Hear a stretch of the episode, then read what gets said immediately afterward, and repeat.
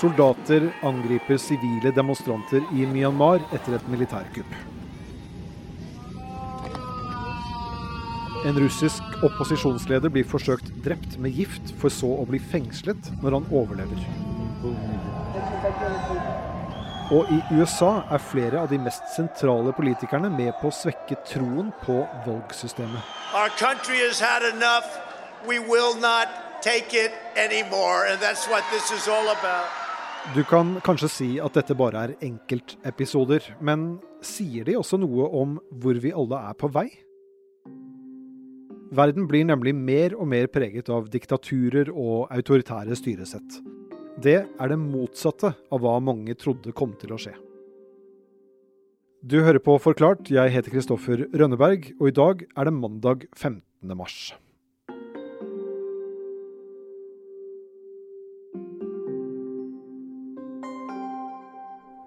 Jon Hulkeren, du er Midtøsten-korrespondent her i Aftenposten. Først og fremst, hva er et demokrati?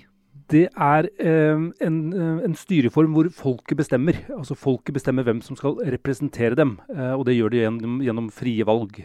Norge er jo blant landene som har demokrati. Hvor, hvorfor er det dette som har blitt vårt foretrukne system? Jeg vil tro det er fordi det gir folk mest, mest frihet. Mest mulighet til å bestemme hva, hva, man skal gjøre, hvordan landet skal utvikle seg. Eh, et demokratisk samfunn blir på en måte sett på som et ideal, men eh, akkurat nå er det ikke så veldig lett å være demokratiforkjemper. Faktisk lever bare 8,4 av verdens befolkning i et samfunn som fortjener betegnelsen helt demokratisk akkurat nå. Det tallet det er hentet fra en rapport The Economist Intelligence Unit publiserer årlig, og som viser verdens demokratiindeks.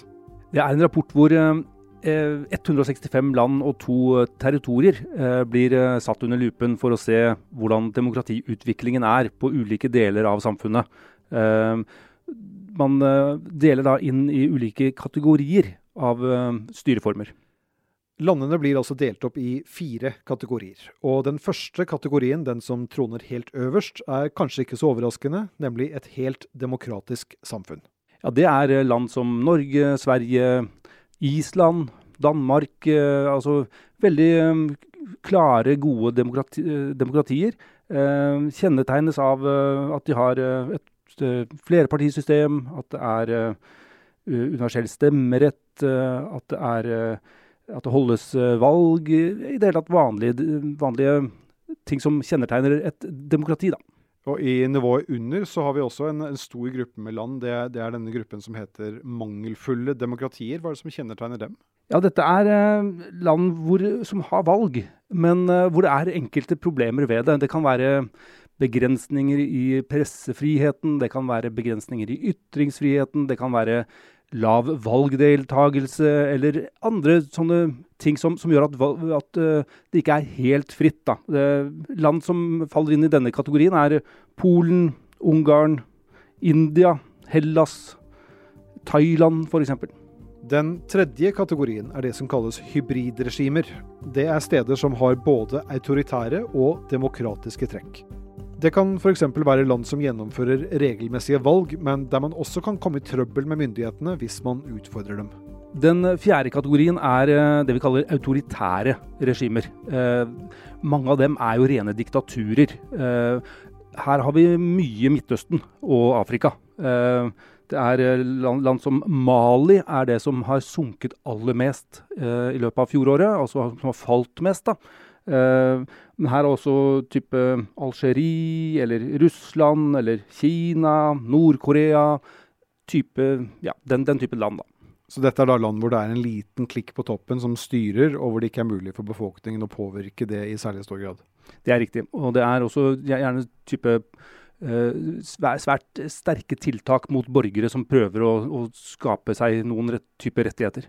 Hvis du skal oppsummere, Jon, hva forteller denne rapporten oss om hvordan det går med demokratiutviklingen i verden? Eh, det store bildet er at det går i feil retning, dessverre. En ting som er litt overraskende med årets liste, er at noen av de landene som var blant de mest demokratiske for eh, to år siden, nå ikke lenger er fullverdige demokratier. Og det er spesielt ett land som har falt mye.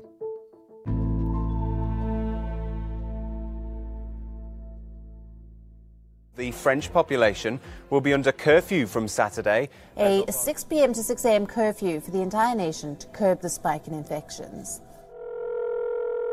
Hallo! Vibeke Knop Raslin, du er journalist og forfatter, og skriver bl.a. for oss i, i, Aftenposten.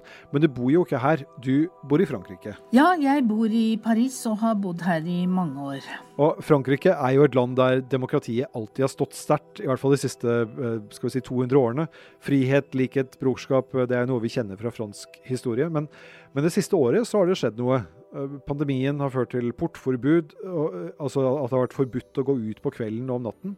Og, det har vært full lockdown eh, store deler av det siste året. Kan du fortelle litt om hvordan hverdagen er der hvor du er? Eh, den er jo selvfølgelig veldig preget av det. Det blir veldig lite, for å si ingen, eh, sosial omgang. Alle kafeer er stengt, alle restauranter er stengt det meste er egentlig stengt. Og til og med det som da i prinsippet er åpent, f.eks. at man skal kunne gå tur langs de nye, flotte anleggene langs scenen, det endte mm, søndag med at politiet måtte evakuere fordi det var for mange som gikk der. Og, og, og det du beskriver nå, det er jo en av grunnene til at Frankrike har falt på denne listen over demokratier i verden, og at det ikke lenger er å anse som et fullverdig demokrati, men et såkalt mangelfullt demokrati. Men, øh, men Vibeke, er det, er det andre tegn til at Frankrike har blitt mindre demokratisk? Det begynte egentlig etter de store terrorangrepene i 2015. Eh, og da ble det jo innført unntakslover. At du ikke kan gå akkurat hvor du vil, at det er steder som er veldig bevoktet og som du ikke må nærme deg, at du må akseptere at du blir kroppsvisitert hvis du skal inn i et stormagasin. Det er sånne ting. Og så, da koronaviruset kom, så gjorde da myndighetene bare disse lovene om til sanitære unntakslover. Og det betyr eh, at det bare fortsatte som før, da, på en måte. Et eh, portforbud, sånn som Frankrike har hatt, er det flere andre land som også har innført. Og her i Norge ønsket også regjeringen å få muligheten til å tvinge folk til å holde seg hjemme. Når var det sist gang vi hadde portforbud i dette landet her? Det ble innført av okkupasjonsmakten under krigen. Det var forrige gang. Jeg mener at det er ekstremt eh, frihetsberøvende for folk. Ja, dilemmaet ligger jo i dagen. ikke sant? At Et portforbud er jo en veldig omfattende innskrenkning av bevegelsesfriheten. Men reaksjonene her i landet var altså så sterke at regjeringen til slutt droppet hele forslaget. Pandemi og personlig frihet de snakker veldig dårlig sammen. Det, det, pandemi forutsetter egentlig at folk øh, må tvinges til å være hjemme hvis de ikke gjør det frivillig. Og det er akkurat det som, eh, som gjør at uh, slik sett går det utover folks frihet. Men før eller senere så vil jo pandemien gå over, og da blir man jo ferdig med disse midlertidige tiltakene som trekker en del demokratier ned på, på lister, sånn som den, den, du har snakket om. Hva, hva skjer da? Altså, vil, vil, utviklingen fortsatt gå i negativ retning? Jeg tror at um, flere av de landene som, som nå uh, har si, gått ned i andredivisjon, flere av de vil nok uh, komme opp igjen. Men, men uh, utviklingen med, mot med en mer autoritær verden er ikke noe som har skjedd bare de siste året. Det er ikke, noe, det er ikke et pandemifenomen. Det er et fenomen som har foregått i, i mange år. det ikke-statlige Freedom House har f.eks. undersøkt dette i i hvert fall de siste 15 årene så er, så er verden blitt mindre de demokratisk. Hvis vi går enda litt lenger tilbake enn 15 år og ser hvordan verden så ut på begynnelsen av 1990-tallet, så var bildet helt annerledes. Berlinmuren hadde falt, Sovjetunionen hadde ramlet sammen, og den kalde krigen var over. Her i Norge sang Jokke Valentinerne at eh, 'Jeg vet vi lever i såkalt positive tider, alle murer er revet ned'. Og den amerikanske statsviteren eh, Francis Fukuyama oppsummerte stemningen i en artikkel som senere ble til en bok som han kalte The End of History, altså historiens sluttpunkt. Hovedtanken der var at det liberale demokratiet som styringsform hadde vunnet for godt, og at de landene som ennå ikke hadde utviklet denne formen for samfunnsstruktur, nå kom til å få det. Men sånn gikk det jo ikke. Det gikk jo faktisk motsatt vei, og siden den gang har verden blitt mindre og mindre demokratisk. Altså, jeg tror en, en årsak kan være at uh, de autoritære statene uh, er blitt sterkere, er blitt uh, mer dominerende. Altså, ta f.eks. Uh, når, når utviklingsland skal låne penger, eller få, andre til å investere hos seg, så de, går de gjerne til Verdensbanken for å, for å låne. og der, der, stilles det jo ulike krav til utvikling i landet. Det er krav som landets myndigheter kanskje ikke har så veldig lyst til å, til å følge med på. de har gjort det men under, under, tvang tidligere. Nå er det sånn at de heller kan låne penger av Kina. Der stilles det ingen krav. Uh, slik sett har vi en rekke land uh, i Afrika, men også i Midtøsten, som, som har innledet og, og ty Tyrkia også har innledet samarbeid med, med, Kina, fordi det ikke stilles noen krav til, til utvikling i landet. Er det, er det, Kinas vekst rett og slett, som, som, i stor grad bidrar til å dra andre land i autoritær retning? Jeg tror det er en, en, viktig, en viktig, del av forklaringen, men det er nok mer. Altså, vi, har, vi har denne sterke mann-holdningen eh, som, som, er blitt ganske populær mange steder. Altså, man, man, ønsker seg en sterk leder.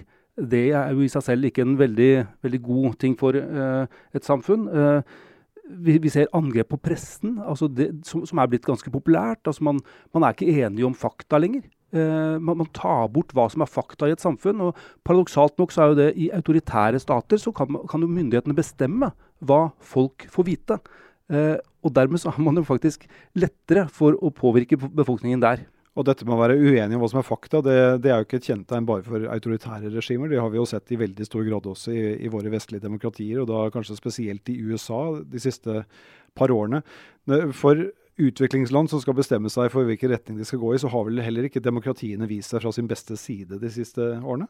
Nei, absolutt ikke. Uh, vi kan jo bare se på, på USA og Donald Trump. Uh, når, når, vi gjennom i hvert fall et halvt år får høre at uh, landets egne valglover ikke fungerer, at de er illegitime, at de, det er juks, at, er, at folk blir lurt And to use a favorite term that all of you people really came up with, we will stop the steal. Da er det forståelig at mange amerikanere fortsatt tror at uh, valget er et resultat av juks. Og da er det lett for uh, autoritære regimer å, å si at uh, hva, hvorfor skal vi ha demokrati når det fungerer så dårlig, mens vi har stabilitet og, og vekst? Jeg tror at uh, både Kinas og Russlands president koste seg veldig da de kunne fortelle at se hvor ille det er der borte.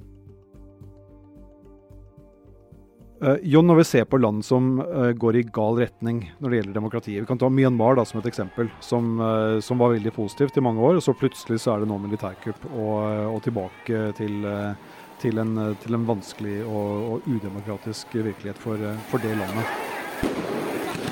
Når Vesten og demokratiene i verden da skal reagere, har, har vi de verktøyene vi trenger for at, uh, at, det skal monne? Altså Går det an å gjøre noe med denne utviklingen på en, på en effektiv måte for uh, verdens demokratier?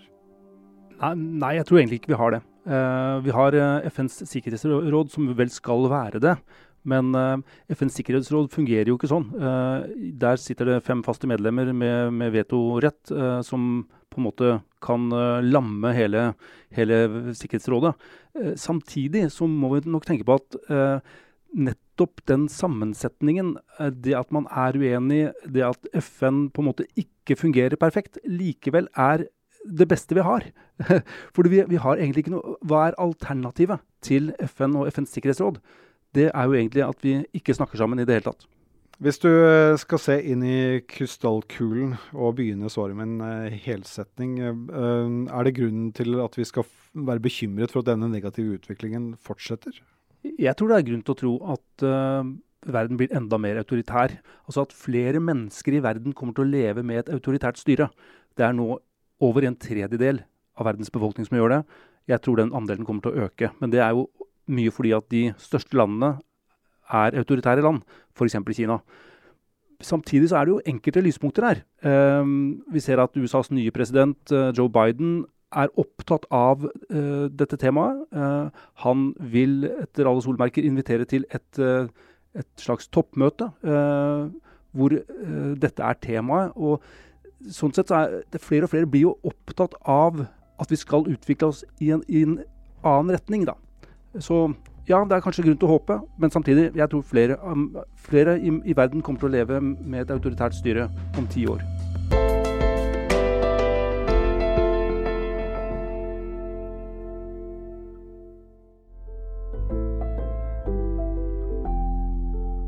Denne episoden er laget av Marit Eriksdotter Gjelland, produsent Fride Næss Nonstad og meg, Kristoffer Rønneberg. Resten av Forklart er David Vekoni, Ina Swan og Caroline Fossland. Du har hørt lyd fra NRK, AP, VG, Euronews og WION.